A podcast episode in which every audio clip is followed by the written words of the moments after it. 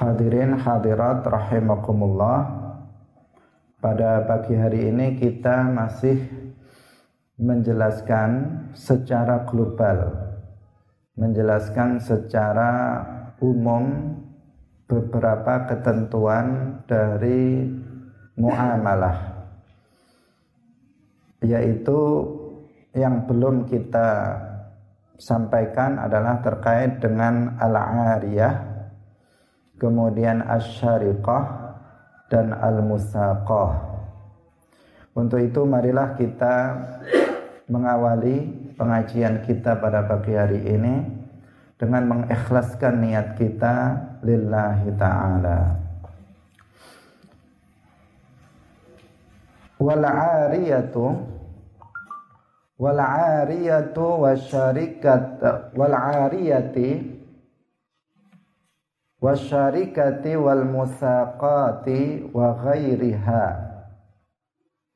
Wa aqdun nikahi lan utawi akad nikah iku yahtaju butuhaken apa aqdun nikah ila mazid ihtiyatin maring tambahan kehati-hatian wa tasabbutin lan tambahan uh, memastikan keabsahane hadaran krono mewaspadai mimma sangking barang ya tarot tabu kang uh, muncul apa ma ala faqdi zalika ing atase ilange mangkono-mangkono uh, mangkono-mangkono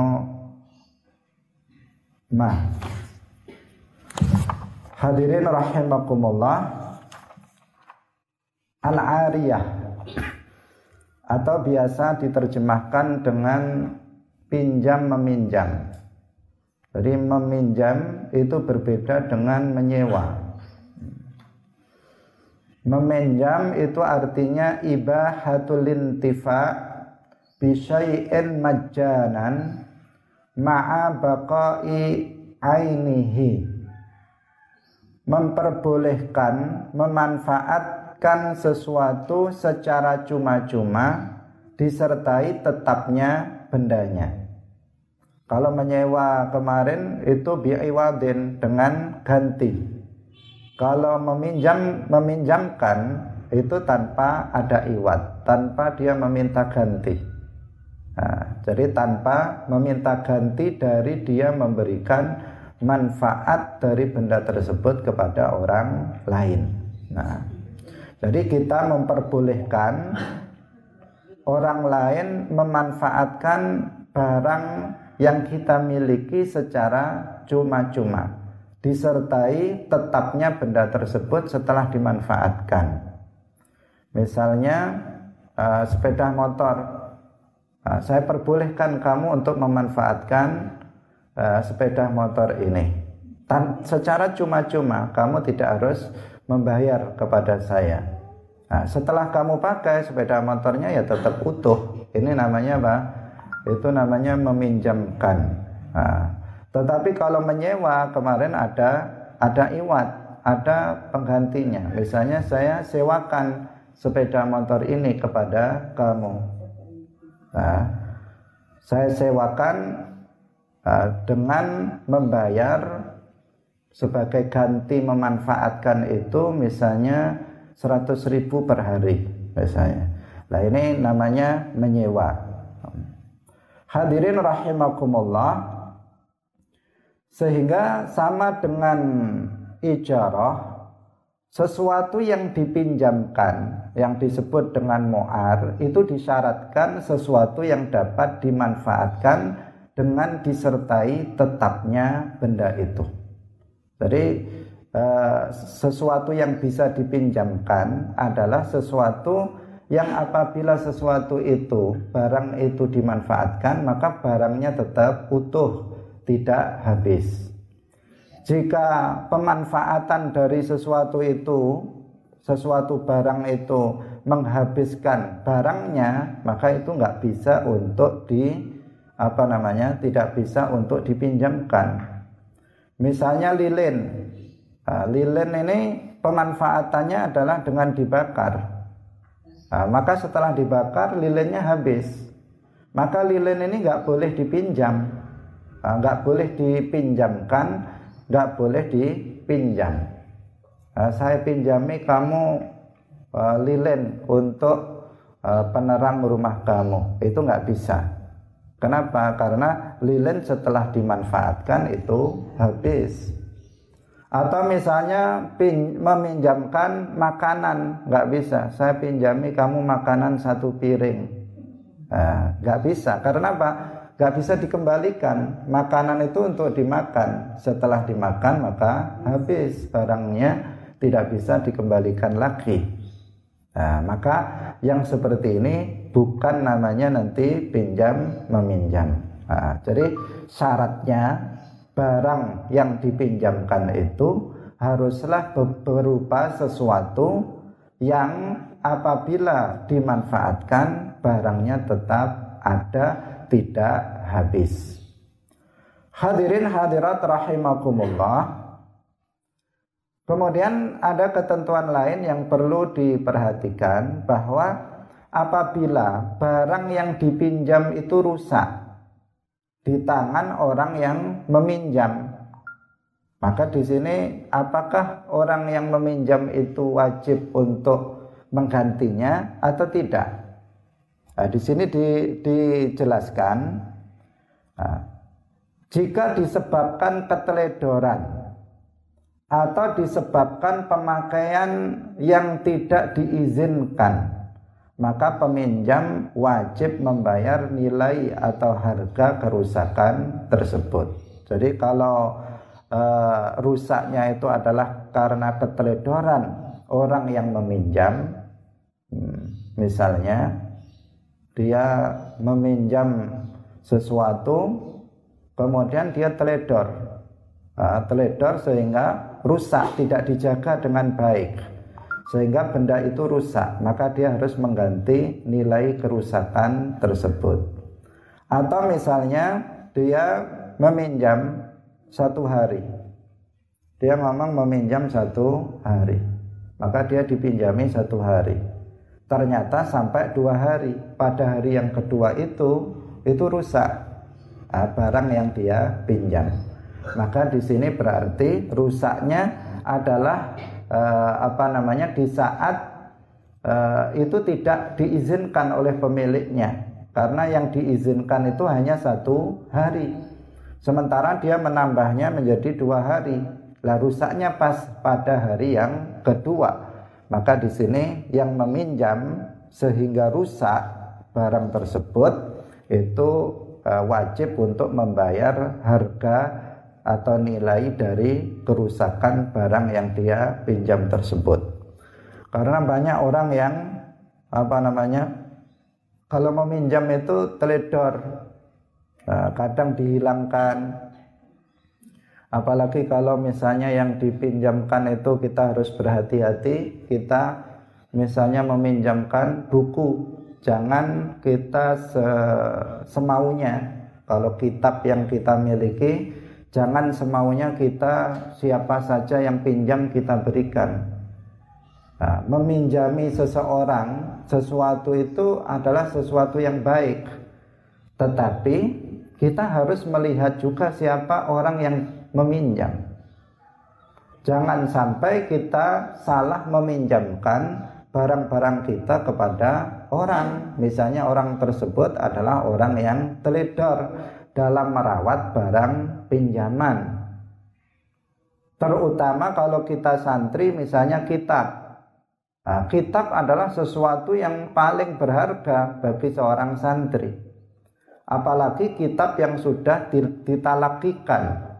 Kitab yang sudah di, dikaji.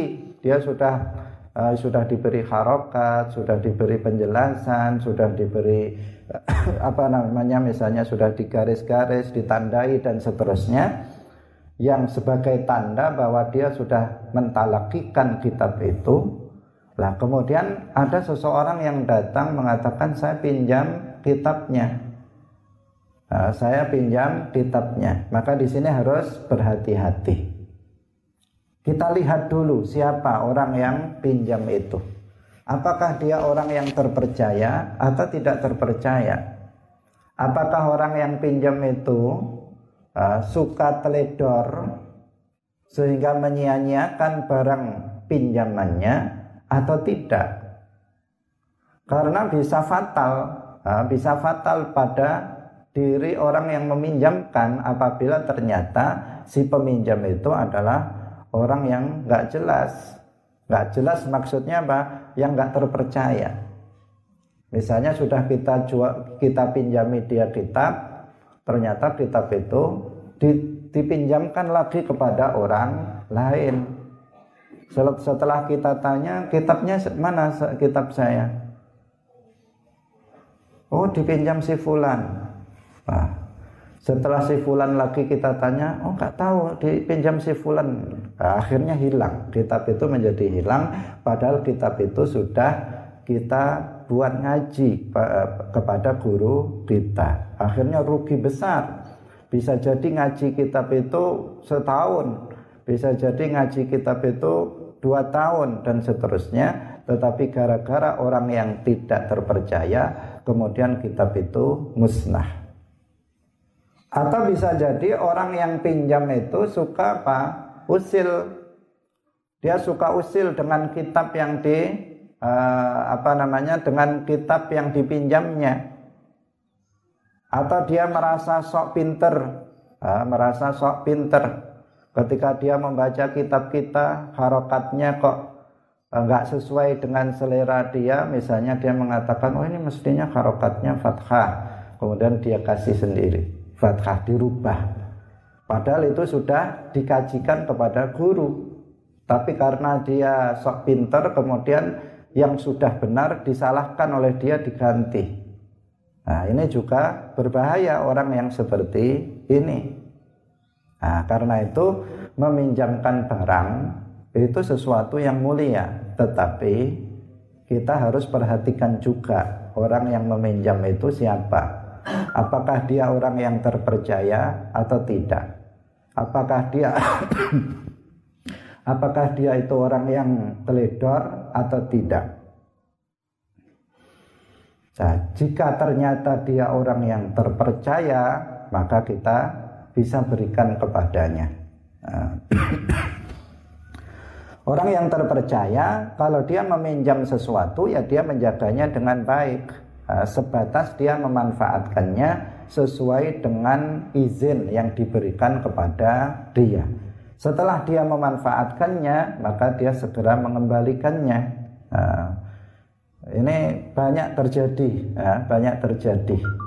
Kitab-kitab itu terutama banyak sekali yang uh, kemudian hilang tidak jelas ke mana, uh, apa namanya perginya. Nah, ini menjadi catatan bagi uh, bagi kita para santri ini untuk berhati-hati uh, untuk meminjamkan kitab kepada orang lain. Demikian juga dalam barang-barang yang lain, eh, barang-barang yang lain kita juga harus berhati-hati. Kira-kira orang yang meminjam itu itu orang yang terpercaya atau tidak itu menjadi menjadi perhitungan. Tidak apa-apa orang kemudian menyebut kita misalnya kok uh, dipinjami sulit dan seterusnya. Nah, itu nggak masalah demi untuk kalau kitab tadi menjaga kitab kita dari uh, hilang atau rusak dan seterusnya. Karena sebagian orang meletakkan kitab itu apa? Semaunya sendiri sehingga mudah untuk hilang. Hadirin hadirat rahimakumullah karena yang perlu juga diketahui dalam hal ariyah ini bahwasanya tidak boleh meminjam meminjamkan barang pinjaman itu tidak boleh. Peminjam itu tidak boleh meminjamkan barang milik orang lain tanpa seizin pemiliknya. Misalnya si A pinjam pinjam kitab dari saya maka si A itu yang pinjam kitab dari saya nggak boleh meminjamkan kitab saya kepada si B, nggak boleh. Dan orang juga nggak boleh meminjam kepada si A. Karena dia bukan pemiliknya. Dia harus langsung uh, pinjam kepada pemiliknya. Karena yang berhak meminjamkan itu adalah pemiliknya. Kecuali kalau saya Pak uh, mewakilkan misalnya saya punya perpustakaan besar misalnya uh, kemudian uh, saya suruh satu orang untuk menjaga Nah, saya suruh satu orang untuk menjaga. Nah, nanti apabila ada orang meminjam, nah, saya mewakilkan kepadamu untuk meminjamkannya kepada orang. Nah, ini nanti sebagai wakil dia, tetapi kan mendapatkan izin dari pemiliknya. Karena dia sebagai wakil, sebagaimana yang telah kita bahas sebelumnya. Nah, tetapi kalau dia murni pinjam, kemudian dipinjamkan lagi kepada orang lain, ini yang uh, tidak diperbolehkan. Uh, dan kasus seperti ini jumlahnya sangat banyak. Orang pinjam dipinjamkan, dipinjamkan, dipinjamkan sampai berantai, kemudian hilang. Yang pemiliknya mencari-cari tidak ketemu. Udah ke mana kitab itu larinya itu sudah tidak diketahui lagi yang seperti itu kasus seperti itu jumlahnya banyak baik kitab ataupun barang-barang yang lainnya. Pinjam sepeda misalnya, kemudian sepedanya di dipinjamkan lagi, dipinjamkan lagi dan seterusnya. Nah, itu tidak diperbolehkan. Meminjamkan barang pinjaman itu hukumnya haram, tidak diperbolehkan. Nah, itu jika tanpa seizin Uh, pemiliknya yang meminjami yang pertama. Kemudian wasyarikati syarikah atau kongsi biasanya kita terjemahkan berkongsi. Syarikah adalah akadun yatadammanu thubutal haqqi fi syai'in lithnaini fa aktsara ala jihati syuyu' yaitu transaksi yang mengandung tetapnya hak dalam sesuatu untuk dua orang atau lebih secara bersama, tidak terpisah-pisah. Itu namanya syarikah. Jadi misalnya si A punya 10 dinar. Nah, 10 dinar, dinar itu uang emas. Kemudian si B memiliki 20 dinar emas. Si A punya 10, si B punya 20. Kemudian harta kedua orang tersebut, si A dan si B itu dicampur. Sehingga tidak bisa dibedakan mana uangnya si A dan mana uangnya si B. Nah, tidak tidak tidak bisa dibedakan lagi setelah dicampur 10 dinar sama 20 dinar dicampur begini, maka sudah nggak diketahui lagi mana yang uangnya si A dan mana yang uangnya si B sudah tidak bisa diketahui lagi.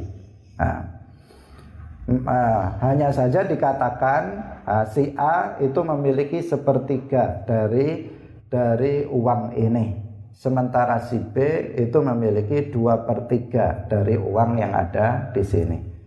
Hanya seperti itu saja. Jadi secara uh, secara apa namanya tidak bisa ditentukan Nah, ketika sudah dicampur kedua uang, kedua uang milik keduanya itu, nah, yang pasti uang yang terkumpul itu adalah milik si A dan si B. Tetapi mana yang milik si A dan mana yang milik si B itu sudah tidak diketahui lagi karena sudah campur. Hanya saja dikatakan si A itu milik si A di sini sepertiga Sementara milik si B itu 2 per 3. Nah, hanya itu saja. Tapi yang mana itu tidak bisa uh, tidak bisa apa namanya diketahui. Nah, ini namanya syarikah. Nah, syarikah. Apabila kemudian uang yang tadi berarti 30 dinar, 10 dinar tambah 20 dinar, 30 dinar, kemudian dibelikan kambing, misalnya 30 kambing maka dikatakan ah, ini adalah kambing mereka berdua. Tidak dikatakan ini kambingnya si A, tidak juga dikatakan ini kambingnya si B, tetapi ini eh, 30 kambing ini adalah kambingnya mereka berdua. Itu namanya apa? Syarikah atau berkongsi. Nah, uh, lah kalau nanti mau di apa namanya, misalnya mau diselesaikan akad syarikahnya, maka nanti di uh, dipisahkan di antara keduanya apa namanya berdasarkan tadi itu. Oh punya si A sepertiga, nah, kemudian dipisahkan. Nah, sisanya berarti yang dua per tiga milik si B.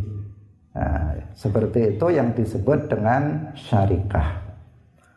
Hadirin hadirat rahimakumullah. Kemudian yang berikutnya adalah musaqah. musaqah artinya adalah muamalatu syakhsin ala syajarin. Liyata'ahadahu binahwi saqyin ala an takuna samaratu bainahuma.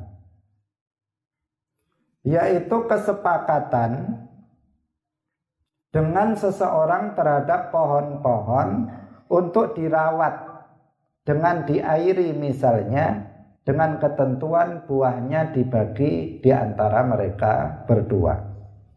Jadi di sini ada orang yang memiliki pohon.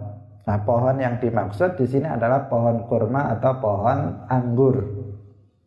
Kalau mengikuti uh, ini maka itu hanya terkhusus hanya tertentu untuk pohon anggur dan pohon kurma bukan pohon-pohon yang lainnya jadi ada seseorang memiliki pohon kurma misalnya sekian hektar misalnya eh, 5 hektar misalnya ya.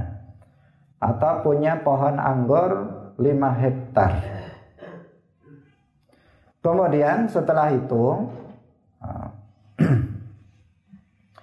dia ah, melakukan akad musakoh dengan seseorang. Nah, jadi pemilik pohon itu memberikan tugas kepada seseorang untuk menyiram menyirami pohon-pohon yang dia miliki itu.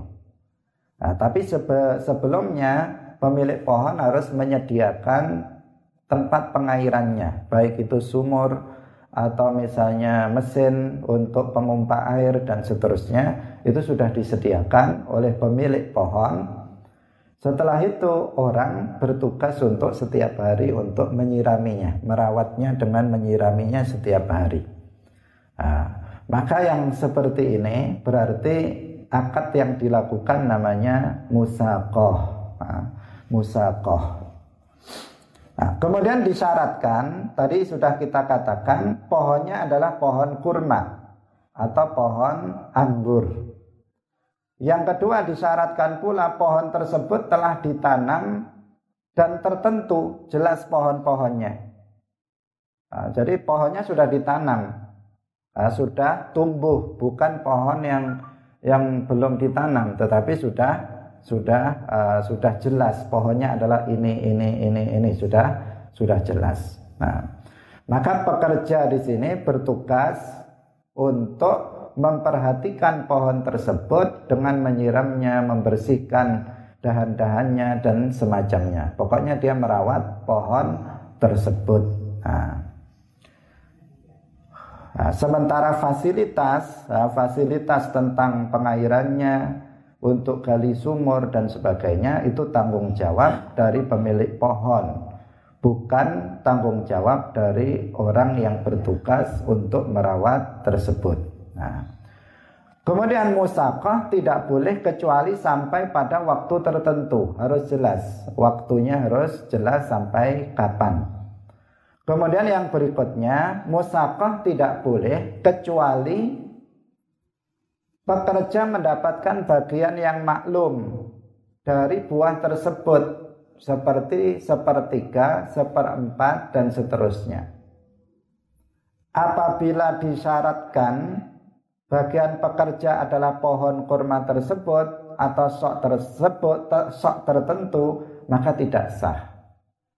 Jadi langsung uh, apa namanya sebagai upah dari dari pekerja itu yang merawat tanaman itu adalah langsung sepertiga. Kamu mendapatkan sepertiga dari buahnya. Kamu mendapatkan seperempat dari buahnya. Langsung seperti itu tidak dikatakan kamu mendapatkan lima pohon dari sekian banyak pohon yang ada tidak dikatakan begitu nah, juga tidak dikatakan misalnya kamu nanti mendapatkan sekian kilo dari uh, dari hasilnya tidak seperti itu Nah, tetapi apa? Tetapi kamu dapat sepertiganya dari buah yang akan uh, apa namanya dihasilkan. Kamu dapat seperempatnya dari buah yang dihasilkan. Nah, seperti itulah uh, akad musakoh. Nah, kalau melihat yang seperti ini, ini di Indonesia sepertinya tidak berlaku nah, akad musakoh ini. Kalau kita melihat bahwa disyaratkan dia harus berupa pohon kurma atau anggur. Nah, hadirin hadirat rahimakumullah. Kemudian yang berikutnya adalah akdun nikah. Nah, ini beberapa transaksi muamalah telah kita jelaskan meskipun hanya secara global. Kalau kita ingin lebih detail, maka kita bisa mempelajarinya dalam kitab yang lebih besar juga terutama bagi kita yang uh, bagi kita yang apa namanya membutuhkan itu yang akan melakukan transaksi dari berbagai macam jenis muamalah yang sudah kita sebutkan dia harus lebih fokus untuk mempelajarinya tetapi bagi orang yang belum uh, membutuhkan karena dia apa namanya? Karena dia tidak melakukan akad tersebut, maka cukup uh, dengan penjelasan singkat yang tadi sudah uh, dua hari ini sudah kita jelaskan. Hadirin hadirat yang dirahmati oleh Allah Subhanahu wa taala. Yang berikutnya adalah tentang akad nikah.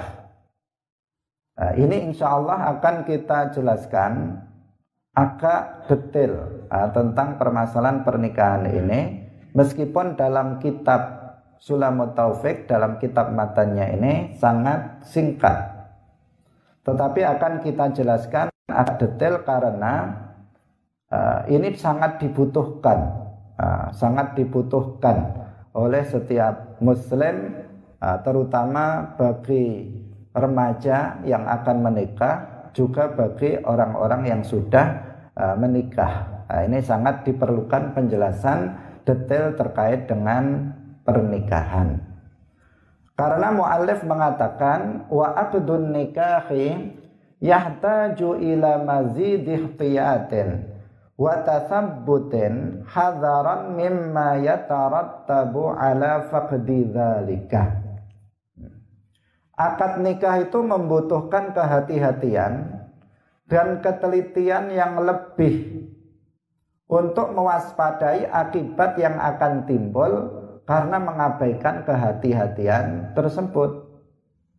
Jadi eh, akad jual beli harus hati-hati. Akad sewa menyewa harus hati-hati. akad pinjam meminjam harus hati-hati. Tetapi akad pernikahan harus lebih berhati-hati. Karena kalau misalnya dalam akad uh, jual beli kemudian tidak hati-hati, maka seseorang bisa jatuh kepada riba.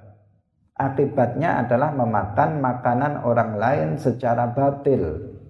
Dia akan memakan uh, harta orang lain tanpa hak sehingga dia memakan makanan yang haram. Demikian juga dalam hal uh, sewa menyewa, dalam hal apa namanya uh, pinjam meminjam, maka ujung-ujungnya dia adalah memakan harta orang lain tanpa hak. Tetapi jika yang teledor itu adalah dalam akad pernikahan, maka akibatnya akan sangat-sangat fatal. Nah, sangat fatal dan akan menimbulkan kerusakan-kerusakan yang beruntun, ya, yang beruntun tidak hanya satu kali kesalahan, tidak hanya satu kali eh, apa namanya bahaya, tetapi menimbulkan bahaya yang berkali-kali. Nah, kenapa bisa seperti itu? Karena yang pertama misalnya, ketika seseorang akad pernikahannya itu tidak sah, maka hubungan suami istri yang dilakukan antara laki-laki dan perempuan itu itu disebut dengan zina. Jadi kalau misalnya ada seseorang melakukan akad pernikahan, dia tidak sah akad pernikahannya. Maka jika keduanya melakukan hubungan suami istri, maka hubungan itu disebut zina dan zina termasuk dosa besar. Nah, di antara dosa yang paling besar. Jika kemudian keduanya memiliki anak dari hubungan zina itu, maka anaknya adalah anak zina.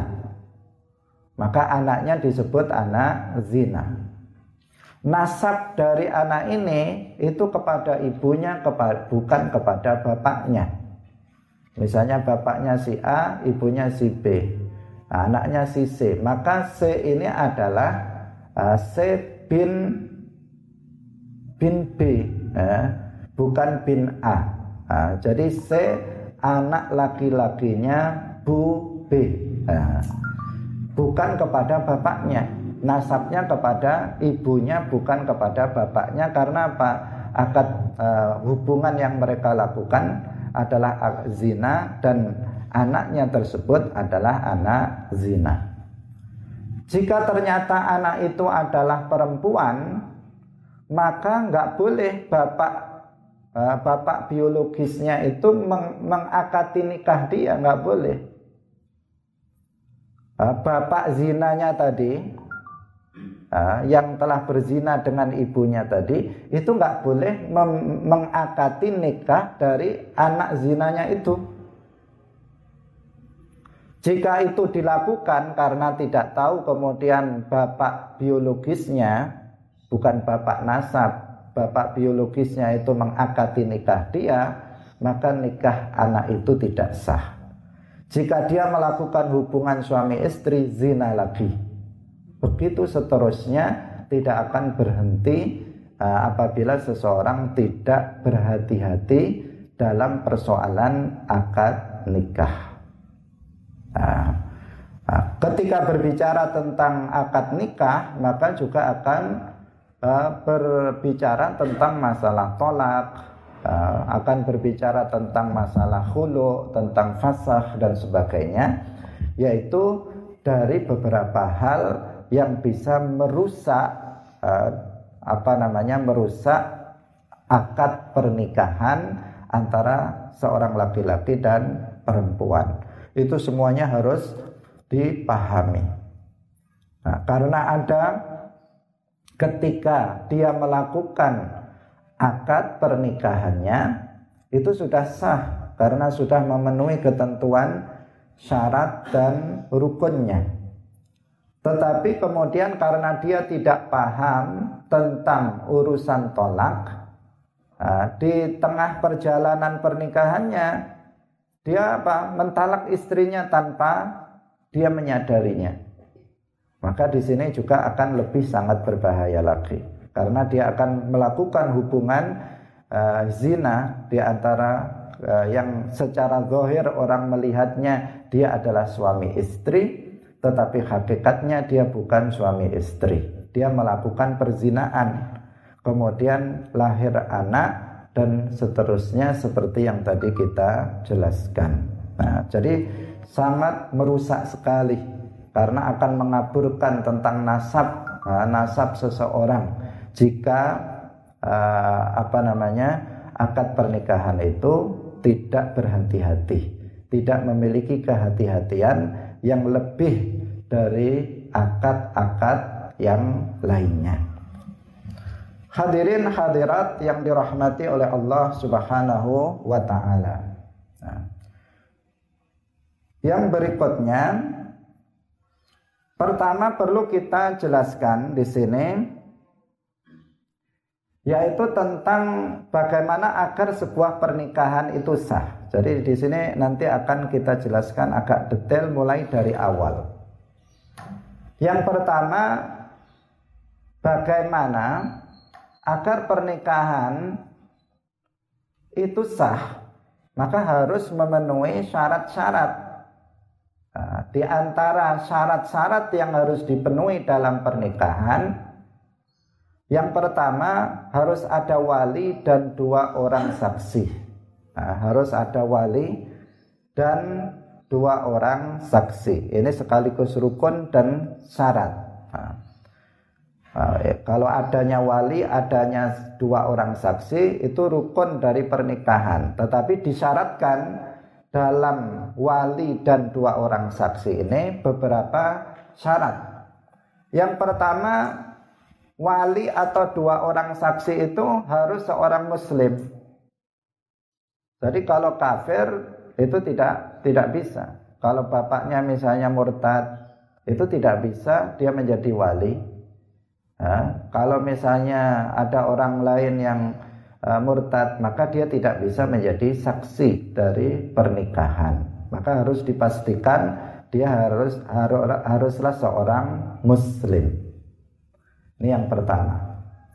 Kemudian yang kedua wali atau dua orang saksi itu haruslah mukallaf. Dia balik dan berakal.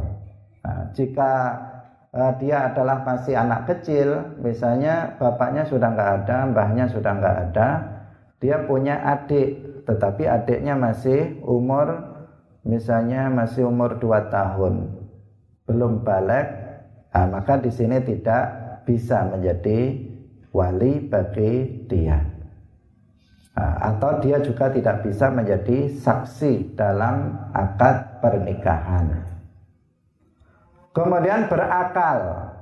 Nah, seseorang mukallaf itu kan balik berakal.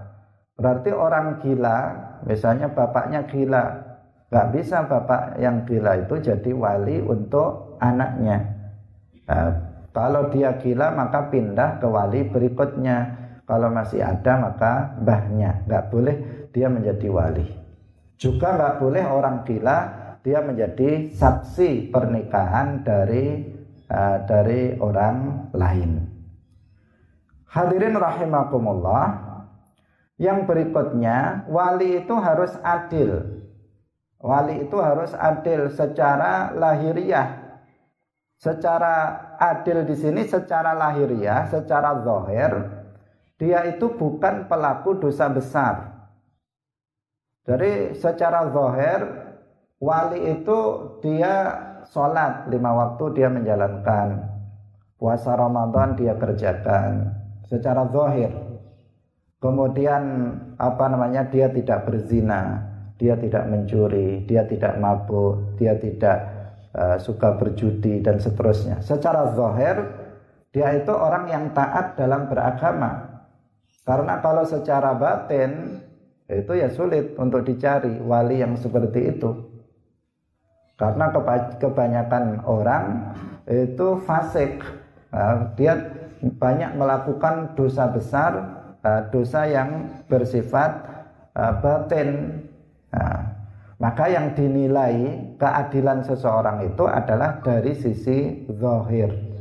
Jadi kalau zahirnya uh, laki-laki itu sang wali itu sang bapak itu zahirnya dia mengamalkan syariat Islam, sholat lima waktu dikerjakan, misalnya dia puasa Ramadan mengerjakan, kemudian dia tidak berzina, dia tidak berjudi, dia tidak mabuk, maka berarti secara zahir eh, bapaknya ini adalah orang yang adil.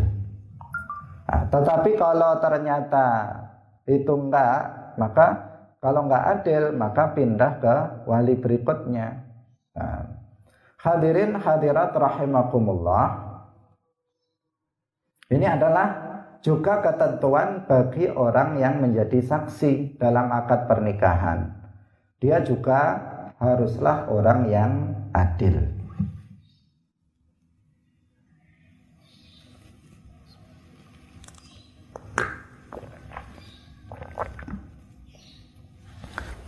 Hadirin hadirat rahimakumullah. Khusus untuk dua orang saksi selain syarat nah, tersebut syarat dia harus muslim kemudian harus mukallaf balik dan berakal nah, kemudian adil disyaratkan juga saksi itu harus bisa mendengar. Namanya saksi maka dia harus bisa mendengar akad pernikahan. Nah, tidak boleh uh, dia orang yang tuli, nggak bisa jadi saksi. Yang kedua dia harus bisa melihat. Orang yang buta tidak bisa menjadi saksi dalam pernikahan. Kemudian yang ketiga dia harus dobit, uh, dia harus dobit, tidak mudah, uh, tidak tidak pikun misalnya. Dia harus orang yang dobit. Nah, kemudian dia bisa berbicara serta tidak berprofesi dengan profesi yang hina. Nah, ini untuk saksi disyaratkan seperti itu, bukan orang yang bisu, tetapi orang yang bisa berbicara dan bukan orang yang berprofesi yang rendah. Ini untuk dua orang saksi. Jadi harus dipilih betul-betul ya orang yang baik sebagai saksi itu orang yang secara zahir dia adil mengamalkan syariat Islam muslim yang baik. Uh, dia juga sempurna penglihatannya pendengarannya bisa bicara uh, tidak bisu dan seterusnya. Ini untuk apa? Untuk dua orang saksi. Nah, sedangkan untuk uh, apa namanya? Wali itu ada urutan-urutannya. Nah, wali nikah itu ada urutan-urutannya. Orang yang paling pertama, yang paling berhak untuk menjadi wali yang pertama adalah ayah. Jadi selama ayah dari perempuan tersebut masih ada dan memenuhi syarat, maka nggak boleh dipindahkan kepada yang lain. Jadi selama ayah dari perempuan itu masih ada, dan dia memenuhi syarat ayahnya adalah seorang muslim adalah seorang yang mukallaf orang yang adil misalnya. Maka di sini uh, sang ayah tidak bisa digantikan oleh orang yang lain. Uh, artinya tidak bisa wal, apa namanya walinya itu pindah dari dirinya. Uh, kecuali apabila diwakilkan itu bukan pindah. Kalau diwakilkan itu bukan pindah tetapi sebenarnya dia hanya saja diwakilkan kepada orang lain. Baru kalau ayahnya tidak ada, kemudian pindah kepada kakek dari ayah. Jadi kakeknya dari ayah perempuan itu. Kalau kakek dari ayah itu tidak ada, baru saudara laki-laki seayah dan seibu. Saudara laki-laki, seayah seibu. Kalau nggak ada baru saudara laki-laki seayah. Kalau nggak ada baru anak laki-laki saudara seayah seibu. Kemudian anak laki-laki saudara seayah. Kemudian paman seayah seibu. Kemudian paman seayah. Kemudian anak paman seayah seibu baru-baru yang terakhir anak paman yang seayah. Itu urutan daripada wali yang bisa menjadi wali dalam akad pernikahan. Nah, hadirin hadirat rahimakumullah. Jadi ini yang pertama dari rukun nikah tadi yaitu wali kemudian ada dua orang saksi dengan ketentuan yang sudah kita jelaskan Kemudian yang berikutnya adalah ada sirah dalam akad nikah itu ada sirah. Sirah itu adalah ijab kabul. Ijab itu dari wali, kabul itu dari ah, kabul itu dari ah, apa namanya calon suami. Ah. Jadi ijab itu dari wali, sedangkan kabul itu dari calon suami ijab dan kabul itu harus ada misalnya seorang wali uh, mengatakan kepada seorang laki-laki laki-laki aku nikahkan kamu dengan fulana. Nah, kemudian si suami itu mengatakan aku terima nikahnya. Itu namanya ijab dan kabul. Nah, dalam bahasa boleh dalam bahasa Arab atau boleh dalam bahasa Indonesia atau bahasa yang lainnya yang jelas bahasa yang dimengerti oleh uh, oleh wali, oleh uh, calon uh, suami dari anaknya, kemudian juga oleh saksi semuanya uh, semuanya memahami. Nah, jangan sampai nanti saksinya nggak paham dengan bahasa yang digunakan oleh uh, wali tersebut. Nah, jadi tidak harus dengan menggunakan bahasa Arab tetapi bisa menggunakan bahasa-bahasa selain Arab. Nah,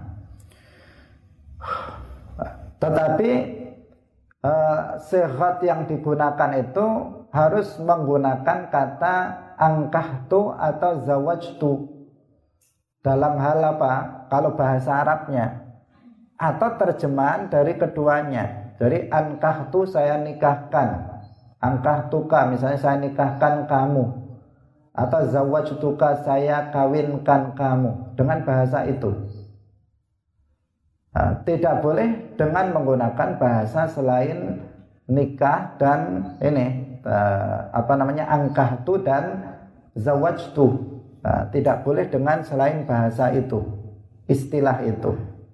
Meskipun itu dengan terjemahannya itu enggak masalah dengan bahasa aku nikahkan atau aku kawinkan itu terkadang malah dua-duanya di uh, apa namanya dirangkep. Aku nikahkan dan aku kawinkan kamu. Nah, kadang seperti itu.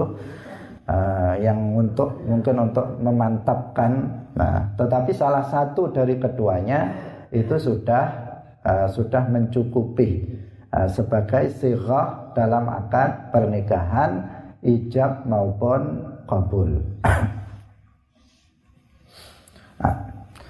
Nah, di sini tidak boleh dalam akad pernikahan itu ada pembatasan waktu. Tidak boleh ada pembatasan waktu. Kalau ada pembatasan waktu, itu namanya nanti disebut dengan nikah mut'ah. Dan nikah mut'ah itu hukumnya haram. Misalnya seorang wali mengatakan kepada seorang laki-laki, "Aku nikahkan putriku yang bernama si A kepadamu selama satu bulan," misalnya. Nah, ini namanya apa? Dengan mahar sekian. Maka itu namanya nikah mut'ah, dibatasi waktu. Itu tidak diperbolehkan dan tidak sah. Nah, tidak sah. Nah, harus tidak ada pembatasan waktu. Nah, ini penting untuk di, uh, diperhatikan karena menurut ahlu sunnah wal jamaah uh, nikah mut'ah itu adalah haram ila yaumil sampai nanti pada hari kiamat tidak akan berubah hukum nikah mut'ah yaitu hukumnya haram. Hmm. Jadi tidak diperbolehkannya itu adalah apabila seseorang melafalkan uh, batasan waktu itu dalam akad pernikahan. Hmm. Hadirin rahimakumullah, yang berikutnya insya Allah akan kita lanjutkan uh, besok tentang ketentuan-ketentuan dari uh, apa namanya akad pernikahan ini. Insya Allah masih panjang penjelasannya terkait dengan masalah uh, akad pernikahan. Uh, kurang lebihnya mohon maaf. Barakallahu fikum. Wallahul muwaffiq ila aqwamit thariq. Wassalamualaikum warahmatullahi wabarakatuh.